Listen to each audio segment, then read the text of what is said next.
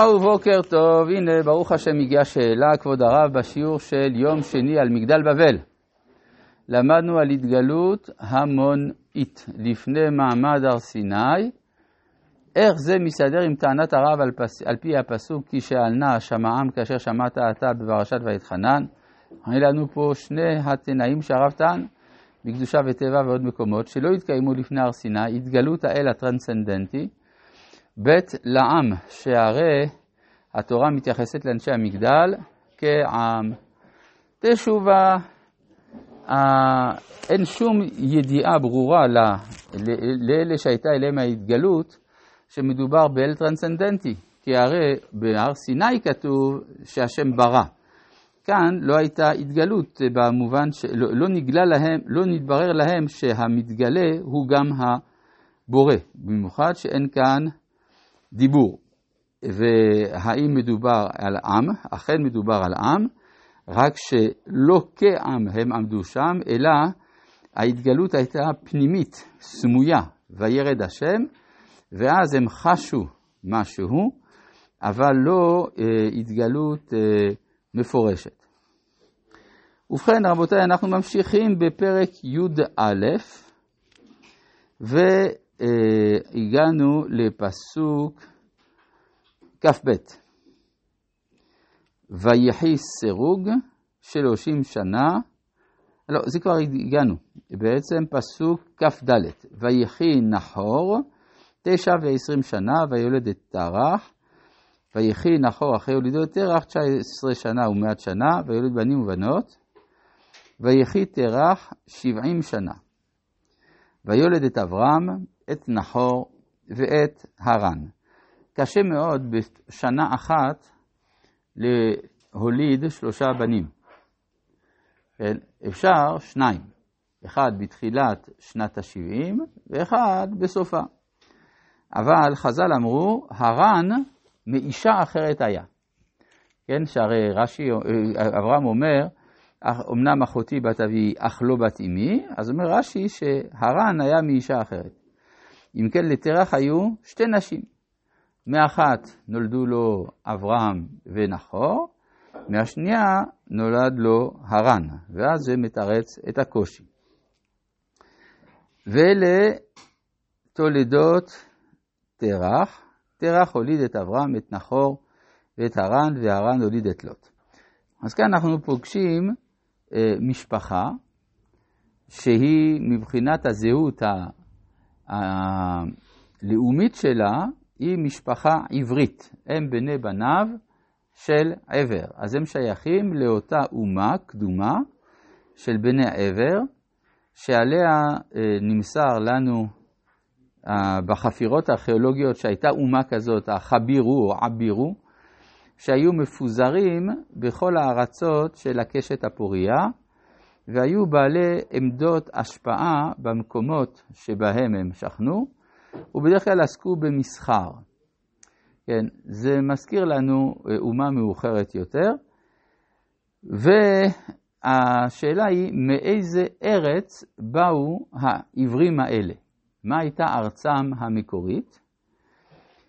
אם הם עברים, אז מוכרחים להניח שארצם המקורית הייתה ארץ העברים.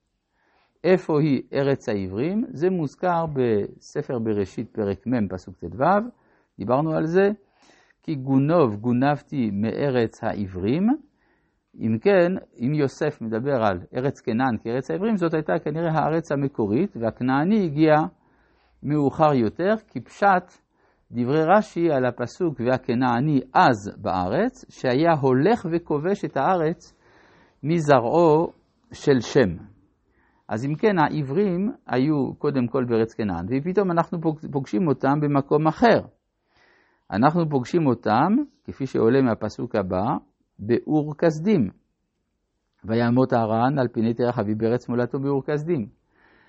אז מה זה אה, קבוצה אנושית שאיננה בארצה?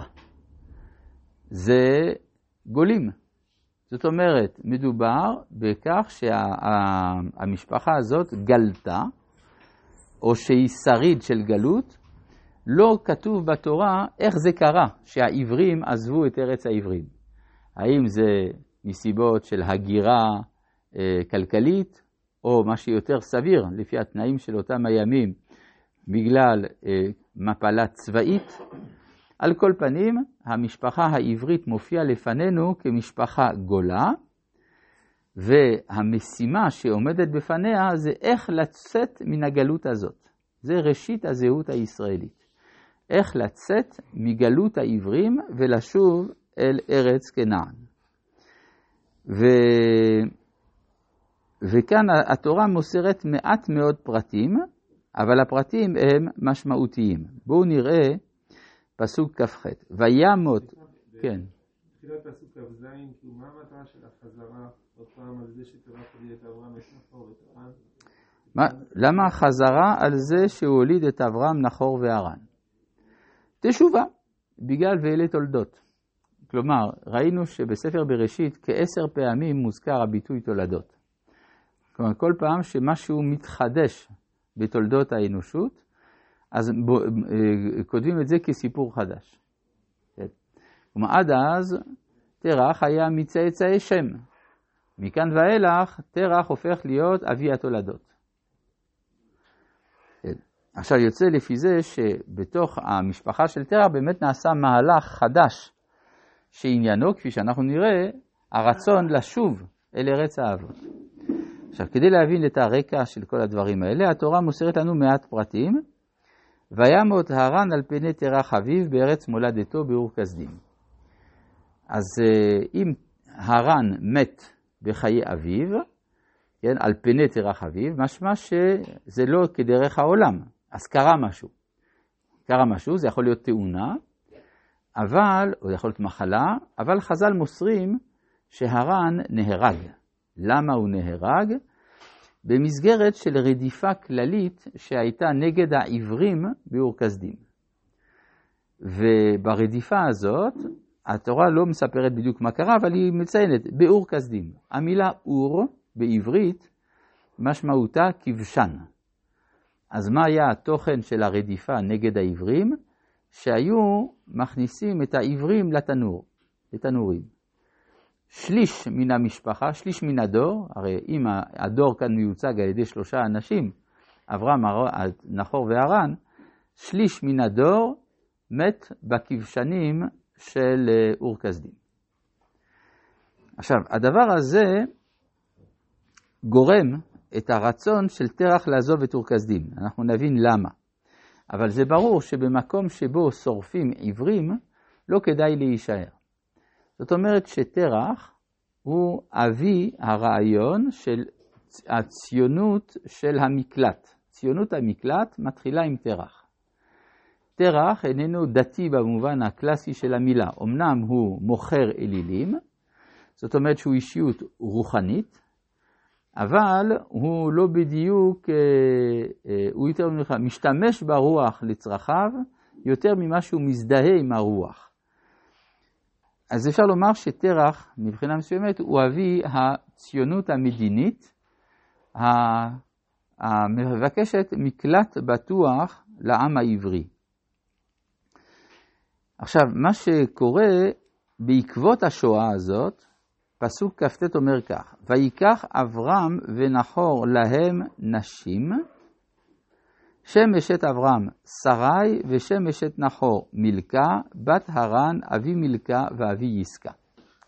טוב, המשפט קצת לא לגמרי ברור, אבל אה, לפי חז"ל, שרי, אשת אברהם, היא בעצמה יסקה והיא בעצמה שרה.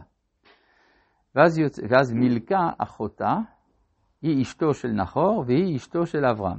זאת אומרת שאחרי הקטסטרופה של מות הרן, המשפחה לקחה לנשים את פליטי השואה, השרידים של השואה, הלא הם מילכה ויסקה, מתחתנים עם הענפים שנשארו בחיים.